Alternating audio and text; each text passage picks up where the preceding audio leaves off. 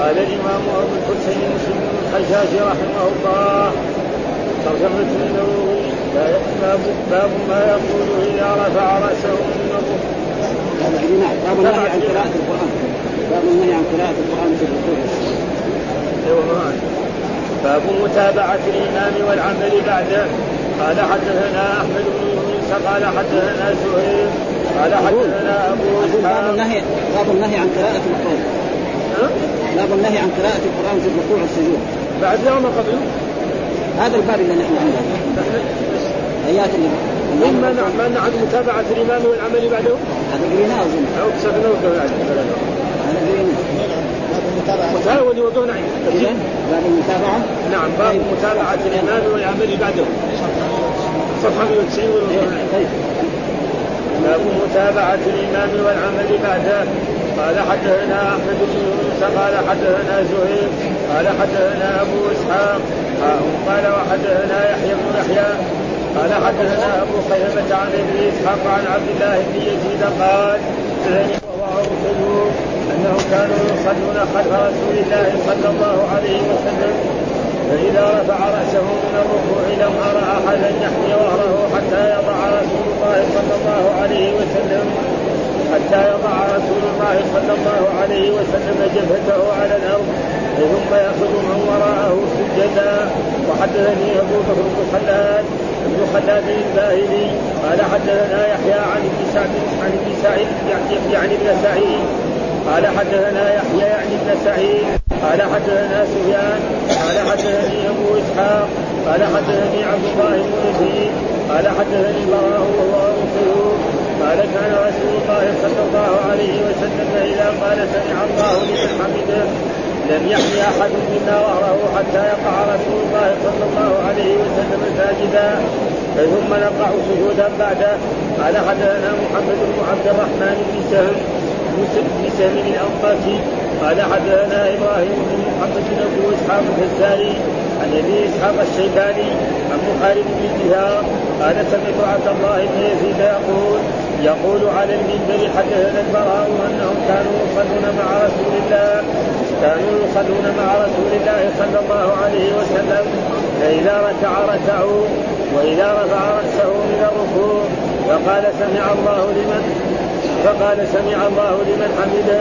لم نسب قياما حتى نراه قد وضع وجهه في الأرض ثم نتبعه.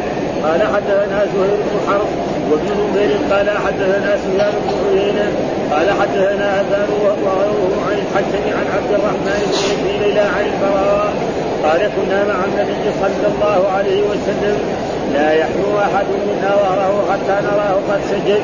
فقال سهيل حدثنا سفيان قال حدثنا الكوفيون أبان وغيره قال حتى نراه يسجد. قال حدثنا محيط بن عون قال حدثنا محيط بن عون بن عون بن أبي عون. قال حدثنا خلف بن خليفة الأشجعي. أبو أحمد عن الوليد بن سليم مولى آل عمرو بن حريث عن عمرو بن حريث بن حريث قال صليت خلف النبي صلى الله عليه وسلم الفجر. فسمعته يقرأ فلا أقسم بالخنس الجوار الخنس وكان لا يحمي رجل منا ظهره حتى يستتم ساجدا قال حدثنا أبو بكر أبو بكر بن ابي شيبة. قال حدثنا أبو معاوية ووكيع عن الأعمش عن أبي بن الحسن عن ابن أبي أوفى. قال كان رسول الله صلى الله عليه وسلم إذا رفع ظهره من الركوع قال سمع الله لمن حمده. اللهم ربنا لك الحمد من السماوات ومن الأرض. ومنه ما شئت من شيء بعد قال حدثنا محمد بن مهنا وابن بشار. قال حدثنا محمد بن جعفر. قال حدثنا شعبة عن عبيد بن الحسن قال سمعت عبد الله بن أبي أوفى. قال كان رسول الله صلى الله عليه وسلم يدعو بهذا الدعاء. اللهم ربنا لك الحمد. اللهم ربنا لك الحمد. من السماوات ومن الأرض ومن ما شئت من شيء بعد.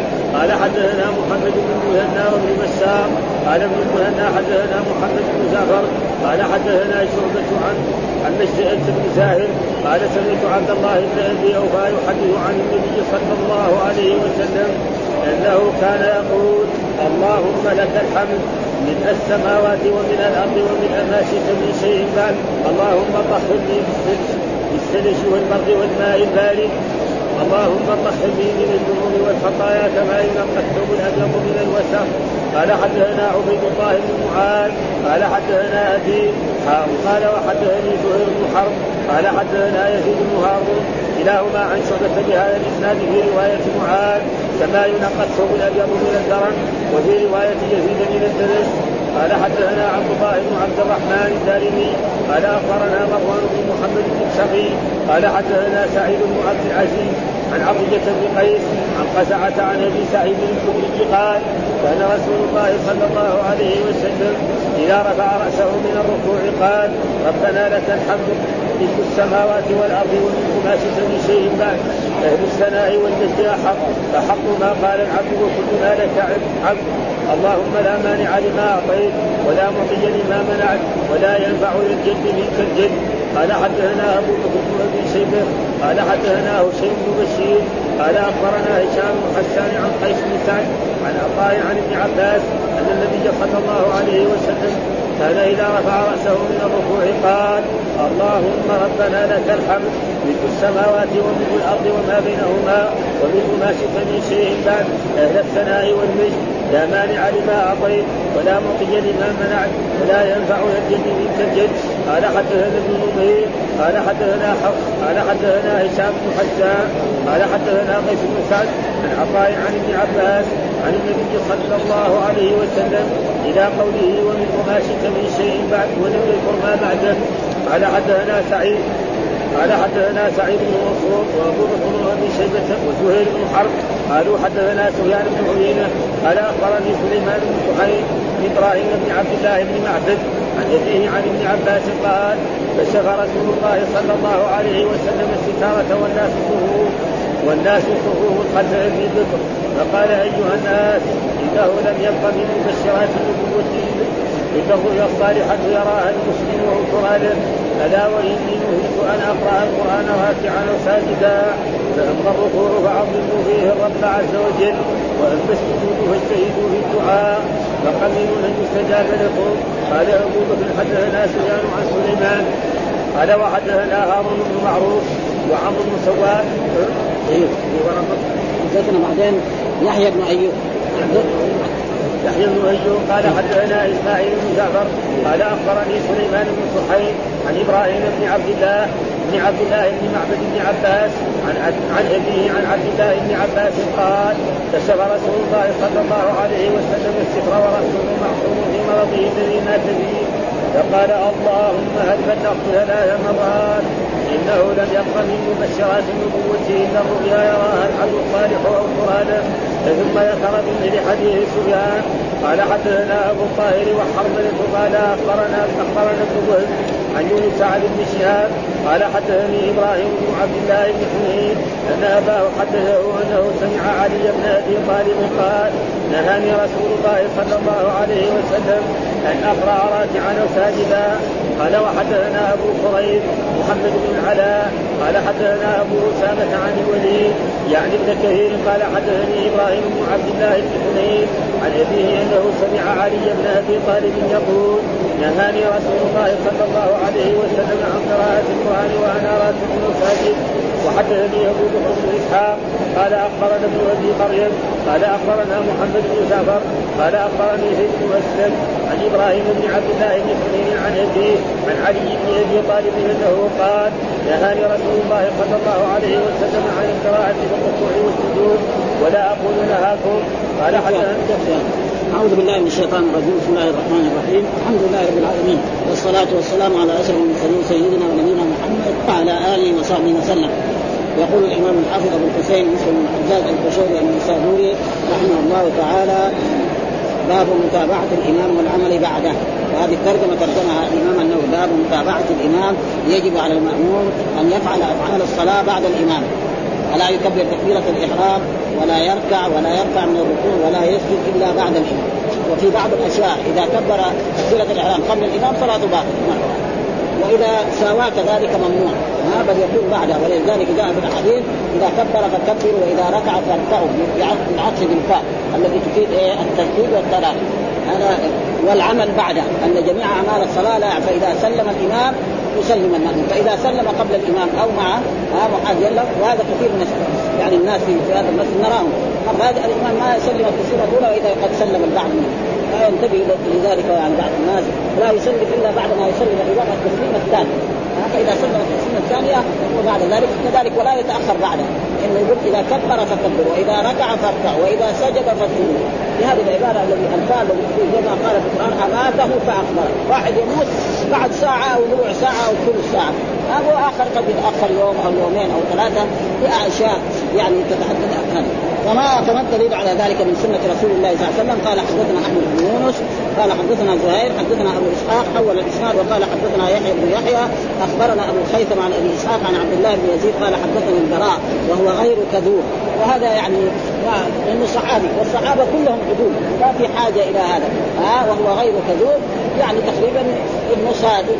يعني كما جاء في الأحاديث حدثني رسول الله صلى الله عليه وسلم الصحابي وهو الصادق المصدق ها؟ الصحابي يقول حدثني رسول الله صلى الله عليه وسلم وهو الصادق المصدق يحتاج؟ ما في حاجة ها؟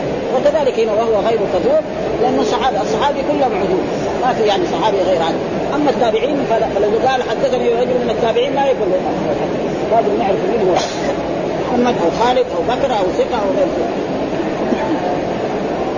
إنهم كانوا يصلون خلف رسول يعني الصحابة رضوان الله تعالى كانوا يصلون خلف رسول الله فإذا رفع رأسه من الركوع آه لم أرى أحدا يحمي ظهره حتى يضع رسول الله صلى الله عليه وسلم جبهته على الأرض. آه بعض الناس في هذا المسجد نرى مرات يعني يقول إيه يجلس بين كأنه بين التشا بين الجلستين حتى بعد ما يسجد الإمام يكون هو يسجد فليش العجلة؟ وهذا كله من الشيطان. الشيطان لأنه أول ما يبغى يصلي جاء يصلي بطرق ملتوية حتى يخرب عليه الصلاة طرق ملتويه إن الشيطان لكم عدو فاتخذوه عدوا. فقال حتى يضع رسول الله صلى الله عليه وسلم جبهته على الأرض. ما حد يسجد من الصحابة حتى الرسول يصل الأرض ويضع جبهته ويسجد على الاعضاء السبعه ثم يخر من وراءه. يعني المؤمنين جميعا سجدا. يعني حال تكون ساجدين. مصدر والمراد به ساجدين. فمن هذا الحديث فهمنا أنه يجب متابعة الإمام وأن جميع أعمال الصلاة لا تعمل إلا بعد إيه؟ بعد الإمام. ولا يكبر تكبيرة الإحرام ولا يركع ولا يسجد ولا يسلم إلا فإذا سجد قبل الإمام فصلاته ناقصة جدا أو إذا سلم قبل الإمام صلاته باطلة تقريبا ما فيها كلام وهو غير كذوب وهو عبد الله بن يزيد ومراد أن البلاغ ومعناه تخويط الحديث وتفخيمه والمبالغة في تمكينه من النفس للتذكره التي تكون في مشكوك وفيه ونظير قول ابن عباس حدثنا رسول الله صلى الله عليه وسلم وهو الصادق المصدوق. ثم بعد ذلك يقول حدثنا أبو بكر بن خلاد الباهلي حدثنا يحيى يعني بن سعيد حدثنا سفيان حدثنا أبو إسحاق حدثنا عبد الله بن يزيد حدثني البراء وهو غير كذوب قال كان رسول الله صلى الله عليه وسلم إذا قال سمع الله لمن حمده لم يعني أحد منا ظهره آه ابدا. حتى يقع رسول الله صلى الله عليه وسلم ساجدا ثم نقع سجودا بعده. وهذا يؤخذ من احاديث إذا كبر فكبروا وإذا ركع فاركعوا وإذا سجد فاسجدوا وإذا صلى جالسا فصلوا جلوسا اجمعين وهذا كذلك يبين انه يجب متابعة الإمام وأنه لا يجوز العمل في أي نوع من أنواع في أي يعني وضع من اوضاع الصلاة إلا بعد الإمام.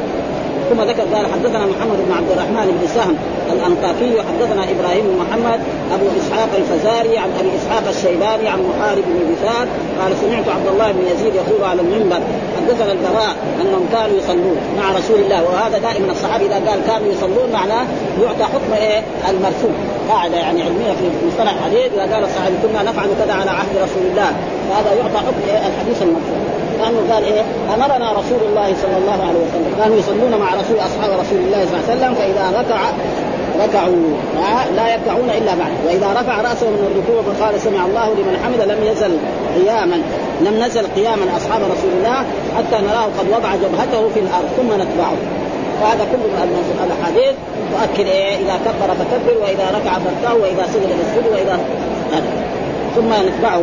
والحديث كذا قال حدثنا زهير بن حرب وابن نمير قال حدثنا سفيان بن عيينة حدثنا أبان وغيره عن الحكم عن عبد الرحمن بن أبي ليلى عن البراء قال كنا مع النبي صلى الله عليه وسلم لا يحنو أحد منا ظهر حتى نراه قد سجد.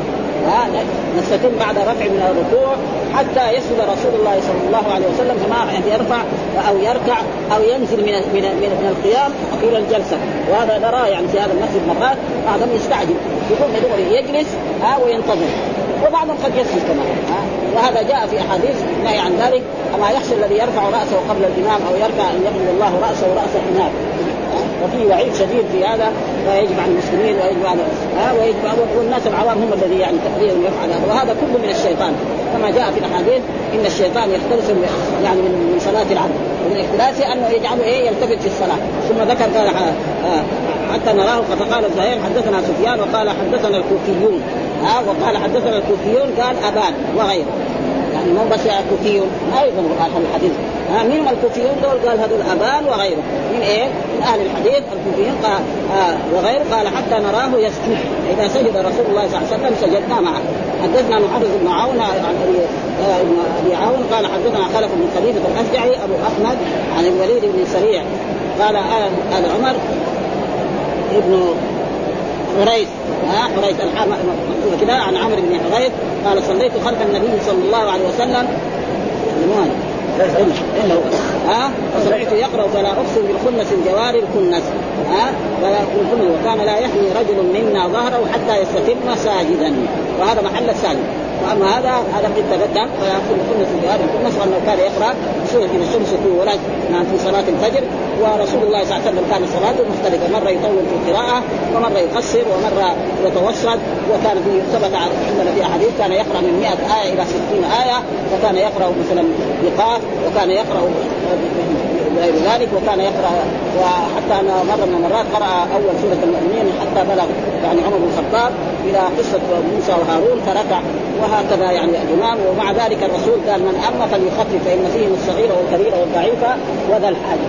فلا يجوز للأئمة خصوصا في المساجد العامة أن يطولوا يعني في القراءة إن ذلك. الرسول نهى معاذ قال أفتان يا معاذ أفتان يا معاذ قال اقرأ بالشمس وضحاها والليل إذا يغشى وسبح اسم ربك الأعلى. وأما تقرأ بالبقرة في صلاة العشاء فإن هذا ينفر الناس ويجعلهم لا يصلون. ثم ذكر حتى يستتم سعيه ثم ذكر بعد ما يقول إذا رفع رأسه من الركوع. ما هو الذكر أو المشروع الذي يقول الإنسان إذا رفع رأسه من الركوع؟ ها؟ فمعروف إنه إذا كبر يستفتح. نعم ويقرأ أعوذ بالله من الشيطان الرجيم. بسم الله الرحمن الرحيم. ويقرأ الفاتحة ثم يقرأ سورة. ثم إلى ذلك يركع يقول الله أكبر ويركع. فإيش يقول في ركوعه؟ يبين لنا في هذا الحديث ماذا يقول في ركوعه من الذكر ومن التعظيم للرب سبحانه وتعالى. فقال جاء في الحديث قال يقول إيه؟ يقول مثلا يعني ربنا لك الحمد. يقول ربنا لك الحمد ويقول مثلا سبحان ربي العظيم سبحان ربي العظيم سبحان ربي العظيم. ثم بعد ما يقول إذا رفع رأسه من إيش يقول؟ ربنا لك الحمد ملء السماوات وملء الأرض وملء ما شئت من شيء بعد.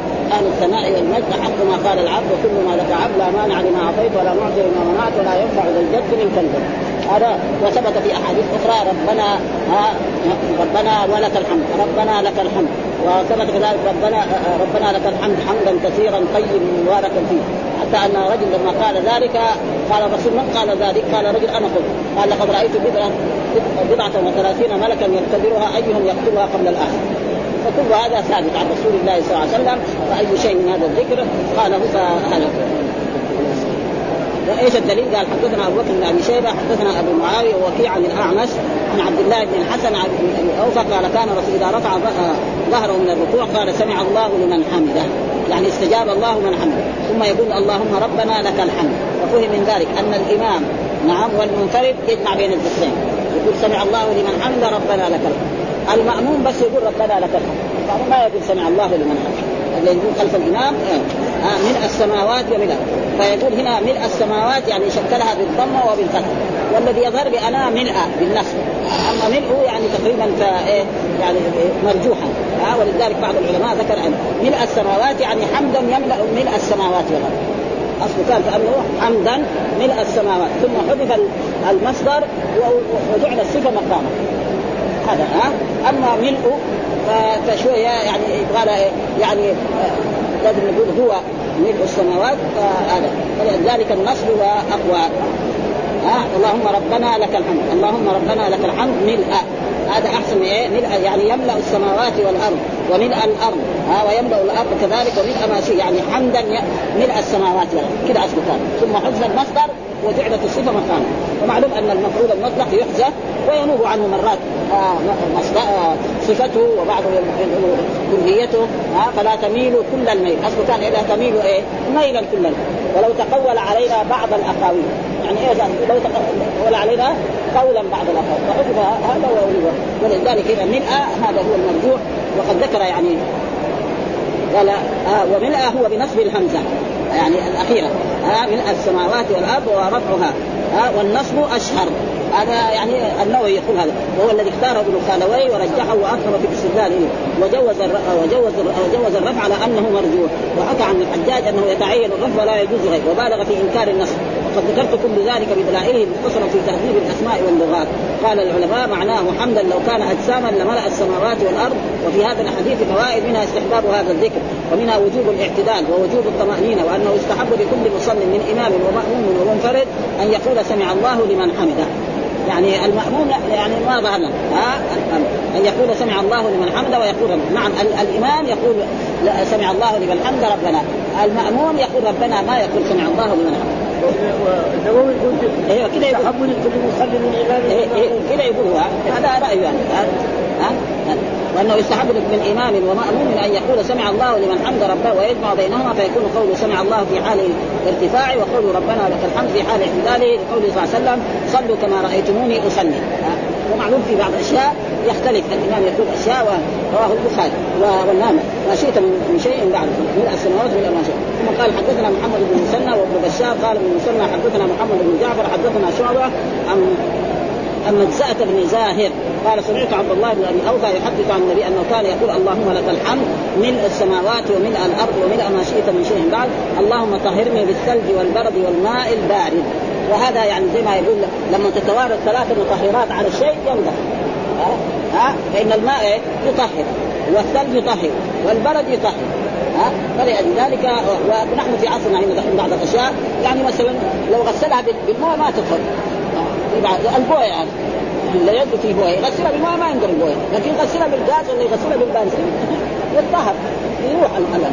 أما يكون في يدين ماء يعني شو بوية يغسلها بالماء ما ما يدخل البوية. لكن يغسلها بالبنزين يغسلها بالغاز تنضغ اليد. فهنا كذلك ثلاث وكلها مطهرات. فمعناه يعني لا تبقي شيء من دنس طهرني بالثلج معروف الثلج والبرد ها والماء البارد ها والماء البارد معروف يعني يطهر اللهم طهرني من الذنوب والخطايا كما ينقى الثوب الأبيض من الوسخ. ولذلك يقول اللهم طهرني من الذنوب ها والخطايا كما ينقى الثوب الأبيض من الوسخ. معروف الثوب الأبيض يعني يعلق فيه الوسخ أكثر من إيه؟ الثوب الأسود. ها وهذا كذلك ذكر. قال إيه؟ بعد رفع من الركوع كما ثبت عن رسول الله صلى الله عليه وسلم وفي هذه الزيادة.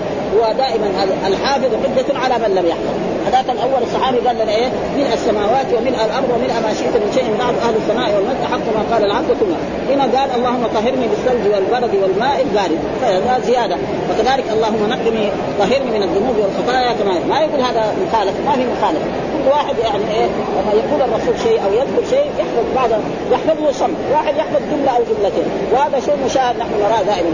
مثلا نحضر إلى إلى الجمعة ويخطب الخطيب ثم يخرج المسلمون من من الجمعة. يقول واحد إيش قال الخطيب؟ واحد يقول جملة واحدة. واحد يقول جملتين. واحد يقول والله ما أدري ما أدري إيش مع إنه لسه بينه وبين الخطبة إيه؟ ربع ساعة ولا خمسة دقائق ها؟ وواحد يصمها صما حافظها تماما. ثم قال حدثنا عبيد الله بن معاذ حدثنا أبي قال حول الإسناد وقال حدثنا زهير بن حرب حدثنا يزيد بن زهير كلاهما عن شعبة الذي هو أمير المؤمنين في الحديث بهذا الإسناد وفي رواية معاذ كما ينقى الثوب الأبيض من الدرن، الدرن معنى الوسخ. ها والدنس معنى واحد. فالدرن والدنس والوسخ ألفاظ مختلفة والمعنى واحد. ها لا فرق بين الدرن. ها ولا بين الوسخ ولا بين الدنس. كله بمعنى يعني نظفني من إيه؟ من جميع ذنوبي. ومعلوم أن الثوب الأبيض يتعلق فيه الوسخ أكثر من الثياب التي دونها ثم ذكر قال حدثنا عبد الله بن عبد الرحمن الدارمي أخبرنا مروان بن محمد الدمشقي حدثنا سعيد بن عبد العزيز عن عطية بن قيس عن قزعه عن أبي سعيد الخدري قال كان رسول إذا رفع رأسه من الركوع قال ربنا لك الحمد. قال ربه في رواية اللهم ربنا لك والكل صحيح. ملء السماوات وملء الأرض وملء ما شئت من شيء بعد ثم أهل الثناء والمد ها؟ يعني أهل الثناء يجوز وأهل الثناء. فاذا قلنا أهل يعني يا أهل الثناء والمد في المنادى محذوف من حرف النون. وإذا قلنا أهل الثناء والمجد بالرفع يصير أنت أهل الثناء والمجد. يصير أهل هذا إيه؟ خبر مبتدأ محمود تقديره هو أهل الثناء والمعنى صحيح. أهل الثناء والمجد أهل الثناء والمجد كله يعني من جهة النحو صحيح. وهنا شكلها بالفتح. أهل. يعني يا أهل الثناء مين اللي يثنى عليه؟ ويستحق الثناء والحمد والشكر هو الرب سبحانه وتعالى. أحق ما قال العبد وكل ما لك عبد. لا مانع لما أعطيت ولا معطي ولا ينفع ذا الجد منك يعني إيه الجد؟ هنا معنى ليس معنى الجد. ابو ابو الجد الإنسان يعني ابو أبو. لا يعني الحد ها ولا ينفع ذا الجد منك الجد. يعني إيه الحد إنما الذي النافع والضار هو الرب سبحانه وتعالى الذي يعطي من شاء ويمنع من شاء كما جاء. لا معطي لما لا مانع لما أعطيت ولا معطي لما منعت. ولو يعني اولا لا مانع لما أعطيت ولا معطي ولا يرفع ذا الجد منك الجد فهذا فرق من الذكر الذي يقال بعد إيه؟ بعد الركوع. هذه كلها أحاديث في هذا الموضوع يعني تبين قال وأما قول أهل فمنصوب على النداء. وجوز بعضهم رفعه على تقدير أنت أهل الثناء والمختار النص والثناء الوصف الجميل والمجد والمجد والعظم ونهاية الشرف وهذا هو المشهود.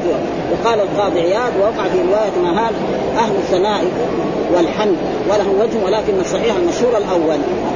ثم ذكر قال حدثنا أبو بكر بن أبي شيبة حدثنا هشيم بن بشير قال أخبرنا هشام بن حسان عن قيس بن سعد عن عطاء عن ابن عباس أن النبي كان إذا رفع رأسه من الركوع قال اللهم ربنا لك الحمد ملء السماوات وملء الأرض.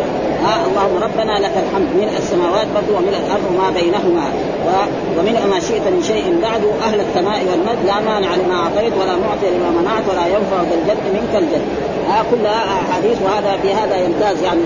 الإمام مسلم انه يأتي بجميع الأحاديث التي في في المعنى هذا وياتي بها بسببها ويكون فيها يعني زي ما يقول تكرار لطالب العلم و... و... حدثنا ابن نمير حدثنا حفص قال حدثنا هشام بن حسان قال حدثنا قيس بن سعد عن عطاء عن ابن عباس عليه إلى قوله آه ملء ما شئت من شيء بعد ولم يذكر ما بعده. لأنه هذا حفظ هذا الشيء. ومعلوم زي ما قلنا أن الرسول لما يتحدث بحديث شخص يحفظه صمت. وشخص يحفظ جملة أو جملتين وكل واحد يحدث فالحافظ حجة على من لم يحفظ. قاعدة علمية. ها؟ حافظ حجة على من لم يحفظ. حفظ الحديث بكامله ورجل حفظ جزء منه فهذا قول لا مانع لما ولا معطي لما منعت اعتراض بينهما. وكل ما لك عبد ومثل هذا الاعتراض في القرآن بقوله تعالى فسبحان الله حين تمسون وحين تصبحون. فسبحان الله حين تمسون وحين تصبحون وله الحمد في السماوات والأرض وعشيا وحين تظهرون. يعني يكون إيه؟ في جملة. لأنه هنا دحين لما قال مثلا في هذه الآية. نعم. سبحان الله. آه حين تمسون وحين تصبحون. خلاص؟ بعدين قال وله الحمد في السماوات. هذه الجمله معترضة. والا إيه؟ وحين تظهرون واعتراض وله الحمد في السماوات ومن قوله قالت ربي إني وضعتها أنثى والله أعلم بما وضعت. إني وضعتها أنثى. معروف خلاص؟ الانثى معروف. ها آه والله أعلم بما وضعت. ها آه بما وضعت. بما وضعت يعني. ها على قراءة من قرأ وضعت. وضعت. وضعت. ها وضعت على انه فعل ماضي. ها الآية قال قال قال ربي إني وضعتها أنثى والله أعلم ها؟ ما وضعت ما وضعت بفتح العين وإسكان التاء يعني وهذا نظائره يقول كثير في القرآن وما في يعني شيء. ثم ذكر يعني ترجمة وباب النهي عن قراءة القرآن في الركوع والسجود. ها؟ يعني القرآن متى يقرأ؟ يقرأ بعد تكبيرة الإحرام وبعد قراءة يقرأ الفاتحة ويقرأ سورة أما في الركوع فلا يقرأ القرآن. وفي السجود لا يقرأ القرآن. إلا إذا كان مثلا آية نعم في السجود فيها دعاء. ولو قال ربي اغفر لي وارحمني وهو ساجد دائما. آه فإنه جاء في الحديث أما السجود فاجتهدوا في الدعاء. أما كونه يقرأ مثلا سورة يعني ما فيها دعاء السجود هذا ما يصح. وفي الركوع ما يدعو يعني في الركوع ما ليس له إنسان راكع ربي اغفر لي وارحمني ودخلني الجنة ونجني من النار. هو راكع له. ها؟ أما في السجود فلو كان سجد وقال ربي اغفر لي وارحمني وادخلني الجنة. نعم. أو ذكر آية. ها؟ ربي اغفر لي ولوالدي وللمؤمنين يوم يقوم الحساب. هذا قرآن. هل يجوز في السجود؟ الجواب جائز على أنه دعاء يعني. لا على أنه الآن يعني. فهذا باب النهي. ثم النهي هذا على يعني حرام أو يبطل الصلاة لا يبطل الصلاة الجواب لا يبطل الصلاة. لأنه هو إيه؟ ذكر. ها أه؟ إنما الواجب أن الإنسان يمتثل. قال الرسول قال لا تقرأ القرآن وأنت راكع ولا ساجد. يقول إيه؟ سمعنا وأطعنا. فإذا قرأ القرآن وهو راكع ناسي إن شاء الله ما عليه شيء. ها لأنه يحصل مرات واحد يجي يعني راكع يقرأ الفاتحة. يصير يعني. ها أو يقرا سورة من السور. يكون هو متعلق بحفظ القرآن ولا ها أو أو يدخل في أشياء كمان يمكن يقرأ شعرا ابيات شعرية ولا ها فإذا مثل هذا فعل إن شاء الله ما عليه. والنهي والقاعدة العلمية دائما في الأصول كل شيء ينهى عنه الرسول فهو حرام. قاعدة. إلا إذا في دليل يصرفه من التحريم إلى الكراهة. والإمام النووي يقول هذا مكروه. يعني يقول النهي ما هو على وجه التحريم إنما على وجه إيه؟ الكراهة. طيب إيش الدليل؟ قال حدثنا سعيد بن منصور وابو بكر بن ابي شيبه وزهير بن محمد قالوا حدثنا سفيان بن عيينه اخبرنا سليمان بن سحيم عن إبراهيم بن عبد الله بن معبد عن ابي عن ابن عباس قال كشف رسول الله صلى الله عليه وسلم الستاره. آه رسول الله صلى الله عليه وسلم مرض نعم. قبل أيام مرض وصار لا يخرج للصلاة وأمر أبو بكر الصديق أن يصلي بالناس. فصار أبو بكر يصلي بالناس تلك الأيام وفي يوم من الأيام رسول الله بعدما كبر أبو بكر الصديق بتكبيره الإحرام في صلاة من الصلوات صلاة الظهر أو العصر أو غير ذلك والناس صفوف خلف أبي بكر وقال أيها الناس إنه لم يبقى من بشرات النبوة إلا الرؤيا الصالح يعني من بشرات النبوة ما بقي شيء إلا الرؤيا الصالحة يراها الرجل أو ترى له. هذا وجاء في أحاديث مرت علينا إن الرؤيا الصالحة جزء من أربعين جزءا من النبوة.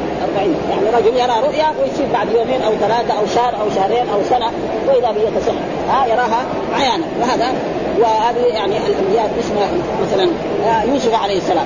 قال إني رأيت أحد عشر كوكبا والشمس والقمر رأيتهم من سنة قال يا بني لا تقصي رؤيك على إخوة فيكيد لك كيدا إن الشيطان كان للإنسان عدوا. هذه الرؤيا متى بعد يمكن 40 سنة.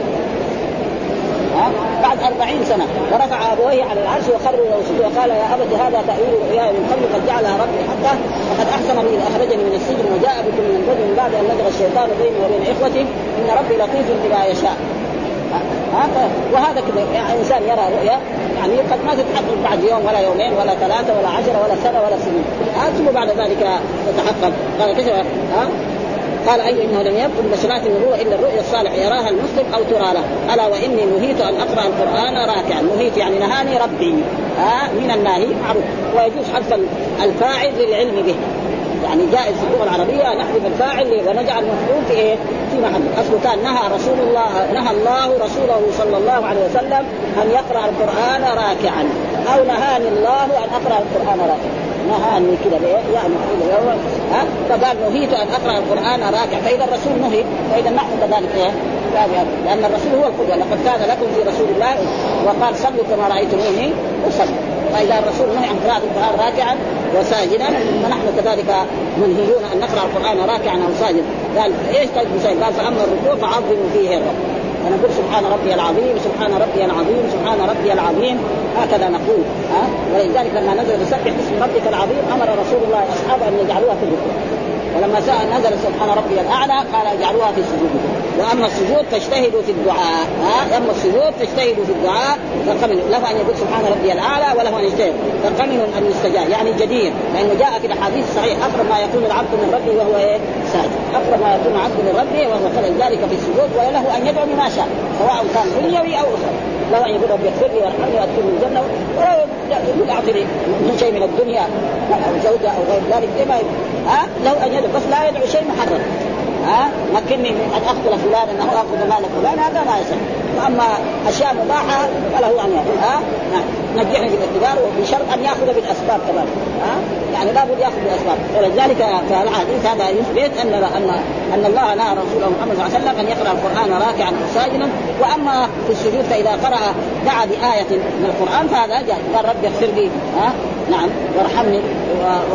أو مثلا ربنا لا تزغ قلوبنا بعد إذ هديتنا وهب لنا من لدنك رحمة. ها مثلا مثل هذه الآيات يعني وهي فيها دعاء وهي آية من القرآن. فذلك جاء على أنها دعاء ما على أنها قرآن. قال أبو بكر حدثنا سفيان عن سليمان قال حدثنا يحيى بن أيوب قال حدثنا إسماعيل بن جعفر قال أخبرنا سعيد بن سعيد عن إبراهيم بن عبد الله عن معبد عن ابن عباس قال كشف رسول الله صلى الله عليه وسلم الستر ورأسه معصوب يعني كان إيه؟ معلوم أن الرسول يعني فيما يظهر بعض الناس ساووا فلسفه يقول اصول بالأمة. آه ورأينا بعض الكتب الحديثة زي عقاد وغير ذلك أنه اصول يعني بأشياء. وهذه أشياء هذا ذاك الوقت ما يعرف هذه الأشياء فرسول الله صلى الله عليه وسلم انتهت مهمته. لازم ياتيه شيء من المرض الخطير. ثم ينتقل إلى الرفيق الأعلى وينتقل إلى الجنة لأنه أدى المهمة 23 سنة وهو قائم بالدعوة يدعو إلى عبادة الله وينهى عن الشرك وبين للناس كل ما يحتاجونه في هذه الدنيا وفي هذه الأرض ولعل من ذلك قال فأما الركوع فعظم ها؟ يعني سبحوه ونزهوه ومجدوه وقد ذكر مسلم بعد هذه الأذكار التي تقال في الركوع والسجود واستحب الشافعي رحمه الله تعالى وغيره من العلماء أن يقول في ركوعه سبحان ربي العظيم وفي سجوده سبحان ربي الأعلى ويكرر كل واحدة منها ثلاث مرات ويضم إليه ما جاء في حديث علي رضي الله تعالى عنه ذكره مسلم اللهم لك ركعت اللهم لك سجدت إلى آخره وإنما يستحب الجمع بينهما لغير الإمام وللإمام الذي يعلم أن المأمومين يؤثرون التقريب يعني إيه؟ وكثير من بعض طلبة العلم يعني يقول مثلا يعني الرسول كان مثلا يعني يسبح في إيه في الركوع والسجود عشر تسبيحات.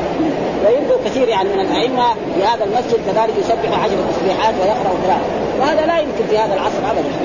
كثير يعني. فلازم إيه من أما فليخفف فإن فيهم الصغير والكبير والضعيف وذو الحاجة.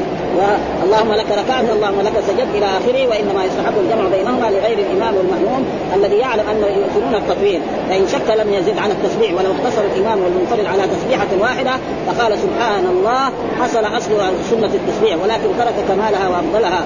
واعلم أن التسبيح في الركوع والسجود سنة غير واجب. يعني إيه؟ ولكن بعض الأئمة يرى أنه واجب كالإمام أحمد. فإذا ترك ما سبح لازم عليه يسجد للسهو وهناك من الأئمة يرى يقول الأئمة الثلاثة يرى أنه سنة. فلو واحد ركع وما قال ولا شيء. صلاته باطلة؟ لا. ها؟ أه؟ والإمام أحمد يرى أنه إيه؟ يعني من الواجبات. وهو يعني كتب الكبيره يذكر الواجبات يعني التكبيرات في الصلاة والتسبيح والركوع والسجود آه مثل هذه الأشياء وقول سمع الله لمن حمده وربنا لك الحمد والتشهد الأول هذا إيه؟ والجلسة في التشهد الأول هذه يعني كمان يعني الحنابله يعني يذكروا إيه؟ ومذهب مالك وأبي حنيفة رحمه والجمهور والجمهور. وأوجبه أحمد رحمه الله تعالى وطائفه من أئمة الحديث لظاهر الحديث في الامر به لقوله صلى الله عليه وسلم صلوا كما رأيتموني أصلي وهو في صحيح البخاري. وأجاب الجمهور لأنه محمود عن الاستحباب واحتجوا واحتجوا بحديث المسيء صلاته المسيء صلاته الرسول قال له إذا قمت إلى الصلاة فكبر. ثم اقرأ ما تيسر معك ثم اركع حتى تطمئن راكعا ثم اركع حتى تعتدل ثم وما قال له اقرأ التشهد؟ ولا قال له قل سبحان الله. ولا سبحان الله. ولكن الأحاديث لازم الواحد كلها تجمع. فاذا جمعنا ذا مع ذا يصير كفاية. يعني ما مثلا ناخذ حديث المسيح لحاله.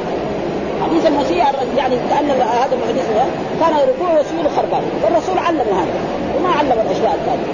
أو ظهر إنه كان يعرف هذه الأشياء. لكن تيجي أحاديث أن الرسول كان يعلم الصحابة التشهد. كما يعلم إيه؟ الإنسان السوره من القرآن. ها؟ وقال قل التحيات لله والصلوات الطيبات. فكون من ذلك ان هذا واجب يعني تنجر عليه الانسان يأمر بالنية. كذلك فلم يأمروا بالنية. وأما النية باين هذا إنما الأعمال بالنيات.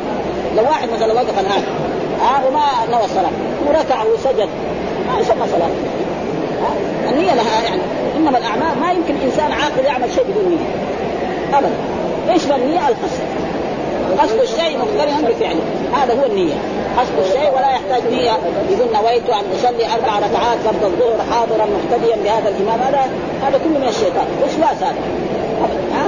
الرسول معلم قال إذا قمت إلى الصلاة إيه تكبر. لا يجوز تأخير البيان عن وقت الحاجة. ولكن مع بعض طلبة العلم والعلماء اشددوا خصوصا يعني مذهب الشافعيه يعني شد لازم يقول نويت أن أصلي وكذا واجتهد كذلك في الفاتحة يعني شدة وإذا ما شددها فلذلك يعني دخل على الناس وإلا الإنسان لو قرأ الفاتحة كذا ولو ما كانت فيها تجويد. وما فيها الصلاة صحيحة يعني أبدا. ها؟ إنما يجب يعني والناس يختلفوا في إيه؟ في العلم. رجل عامي ورجل متعلم ورجل تو يبتدأ التعليم. مسلم الآن في بعض المسلمين الفاتحة ما في بلاد الإسلام. يعني في بلاد النصارى. بلاد الإسلام. يروح إلى في الباديه يقراها ونحن نرى يعني كثير. يعني من العام ما القرآن ما يقرأ تمام والأدعية كذلك ما يقرأها تمام يعني منها يعني سمعنا بعض العوام عرب يعني. ما هو عجم كمان. سبحانك اللهم وبحمدك تبارك ولا إله غيرك. كذا يكون البادي كذا ولا إله غيرك. لما يقول ولا إله غيره خربانة تقريبا المعنى. اصل لازم لا إله غيره. لأنه لا نافية للجنس. كلهم يعني راينا يعني في بعض البلاد كلهم العوام واوصاف العوام كله يقول ولا إله غيره. لا إله غيره كان قال مرة واحدة. لكن ولا إله. زي لا إله إلا الله. واحد لو قال لا إله إلا الله خالص فلذلك يعني. فلا يجمع بين كسر ووصف مثنى يعني قبل ان يستجاب له. قبل بمعنى جديد. يعني هذا محل إيه؟ استجابه أقرب ما يكون العبد من ربه وهو ساجد. وكذلك حدثنا برضه ثم ذكر حديث إيه؟ سفيان. وحدثنا أبو طاهر وحرمه قال اخبرنا ابن وهب عن يونس عن ابن قال حدثني إبراهيم بن عبيد الله بن حنين أن أباه حدثه أنه سمع علي بن أبي طالب قال نهاني رسول الله أن أقرأ راكعا أو ساجدا. أقرأ راكعا أو هنا بمعنى الواو. يعني ما هو للتخيير؟ آه لأن أو تارة تأتي بمعنى الواو وتارة تأتي بمعنى التخيير. آه آه لبثنا يوما أو بعض يوم. هذا إيش؟ آه واحد مثلا جالس فلان أو جالس الحسن أو جالس. ومرات تأتي الواو أو بمعنى بمعنى بمعنى الواو. مثال ذلك مثلا آه الكلمة اسم أو فعل أو حرف. إيش معنى؟ الكلمة اسم وفعل وحرف. أو بمعنى إيه؟ الواو. وهنا كذلك أقرأ ما ان أقرأ القرآن راكعا وساجدا. أو بمعنى إيه؟ بمعنى الواو آه يجي إيه؟ ينتبهون. فنهاني ومعناه هذا على وجه التعريف أقرأ القرآن راكعا وساجدا. وحدثنا أبو كريب محمد بن العلاء حدثنا أبو أسامة عن الوليد يعني ابن كثير حدثني إبراهيم ابن عبد الله بن حنين عن أبي أنه سمع علي بن أبي يقول نهاني رسول الله. عن قراءه القرآن وأنا راكع أو ساجد. ها فلا يجوز الانسان يقرا القرآن إلا إذا كانت آية فيها دعاء وهو ساجد وقرأ فإن ذلك على أنها دعاء لا على أنها من القرآن وأن ذلك ليس منه. وثم ذكر قال حدثنا أبو بكر بن إسحاق أخبرنا ابن مريم أخبرنا محمد بن جعفر أخبرنا زيد بن أسلم عن إبراهيم بن عبد الله بن حنين عن أبيه عن علي بن أبي طالب أنه قال نهاني رسول الله عن قراءة القرآن في الركوع والسجود. وإذا نهى علي بن أبي طالب نهى الأمة كلها. ها؟ لا يقول بس نهى علي بن أبي طالب. ها؟ ها؟ القرآن دائما يعني والأحاديث بعموم اللفظ لا بخصوص السبب. ها؟ الله القران وأقيموا الصلاة وآتوا الزكاة. نزلت من على الرسول على أصحابه. يعني مو بس الصحابة. الأمة اللي تجي إلى آخر الزمان. ها؟ وأقيموا الصلاة وآتوا. صلوا كما رأيتموني. صلوا هذا أمر إيه؟ للصحابة. فيدخل في جميع الأمة. وقال حدثنا زهير بن حرب وإسحاق. قال أخبرنا أبو عامر العقدي العقدي حدثنا داوود بن قيس حدثني آه إبراهيم بن عبد الله بن حنين عن أبي عن ابن عباس قال علي قال نهاني آه حبي يعني حبي يعني محبوبي. مصدر بمعنى اسم المفعول. حبي بمعنى محبوبي ومعلوم أن الرسول أحب شخص. هذا للمسلم للامام للانسان المسلم ولأصحاب رسول الله. ولذلك كان بعض الصحابة يقول حدثني خليلي حدثني خليلي ها رسول الله صلى الله عليه وسلم. حبي صلى الله عليه وسلم أقرأ راكعا أو ساجد يعني أقرأ راكعا وساجد أو بمعنى برضو بمعنى الواو. زي الاسم فعل أو حرف. هل كلمة اسم أو فعل أو حرف؟ وحدثنا يحيى بن يحيى قال قرأت على مالك عن نافع وحدثني عيسى بن محمد المصري أخبرنا الليث عن يزيد بن أبي حبيب قال حدثني هارون بن عبد الله قال حدثني ابن أبي فديك حدثنا الضحاك بن عثمان حول قال حدثني المقدمي حدثنا يحيى وهو القطان عن ابن عجلان حول الإسناد وقال حدثنا هارون بن سعيد الايلي حدثنا ابن وهب قال حدثني أسامة بن زيد حول الإسناد وقال حدثنا يحيى بن أيوب وقتيبة بن قالوا حدثنا إسماعيل يعنون ابن جعفر أخبرني محمد وابن عمرو حول الإسناد وقال حدثني هناد بن سري حدثنا عبده عن محمد بن إسحاق كل هؤلاء عن إبراهيم بن عبد الله بن حنين عن أبيه عن عن, عن علي الا الضحاك بن زاد عن ابن عباس عن علي عن النبي صلى الله عليه وسلم كلهم قالوا نهاني عن قراءة القرآن وأنا راكع ولم يذكر في روايته النهي عنها في السجود. والحافظ حجة على من لم يحفظ قاعدة.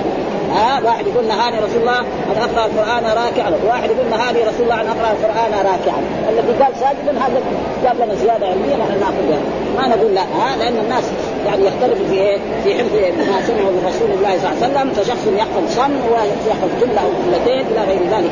ولم يذكر السجود. ها؟ حدثنا عمرو بن علي قال حدثنا محمد بن جعفر قال حدثنا شعبة عن أبي بكر عن عبد الله عند عباس أنه قال نهيت ها يعني إيه نهاني ربي. زي ما قال أمرت أن اسجد على سبعة اعظم أمرت. يعني مين أمرني ربي؟ وحذف الفاعل للعلم به جائز في اللغة العربية كثير في القرآن. قال الله تعالى وخلق الإنسان ضعيفا. مين يعني أصل كان وخلق الله الإنسان ضعيفا. بعدين قال وخلق الإنسان ضعيف حذف الفاعل للعلم. ولا فاعل تارة يحذف للعلم به وتارة للجهل به وتارة للخوف منه كما في يعني في اللغة ها وأنا راكع لا يذكر في الإسناد عليا. يعني هذا الحديث هذا الثاني ما في علي بس الرسول صلى الله عليه وسلم يقول إيه يعني ما ذكر علي إنما قال آه نهاني نهيت عن خلال اصل في الصحه فقد يكون عبد الله بن سمعه من ابن عباس آه عن علي ثم سمعه من علي نفسه. آه يصير مرة عن علي ومرة عن ويصير كمان احاديث كلها تامة وليس فيها شيء والحمد لله رب العالمين وصلى الله وسلم على نبينا محمد وعلى آله وصحبه وسلم.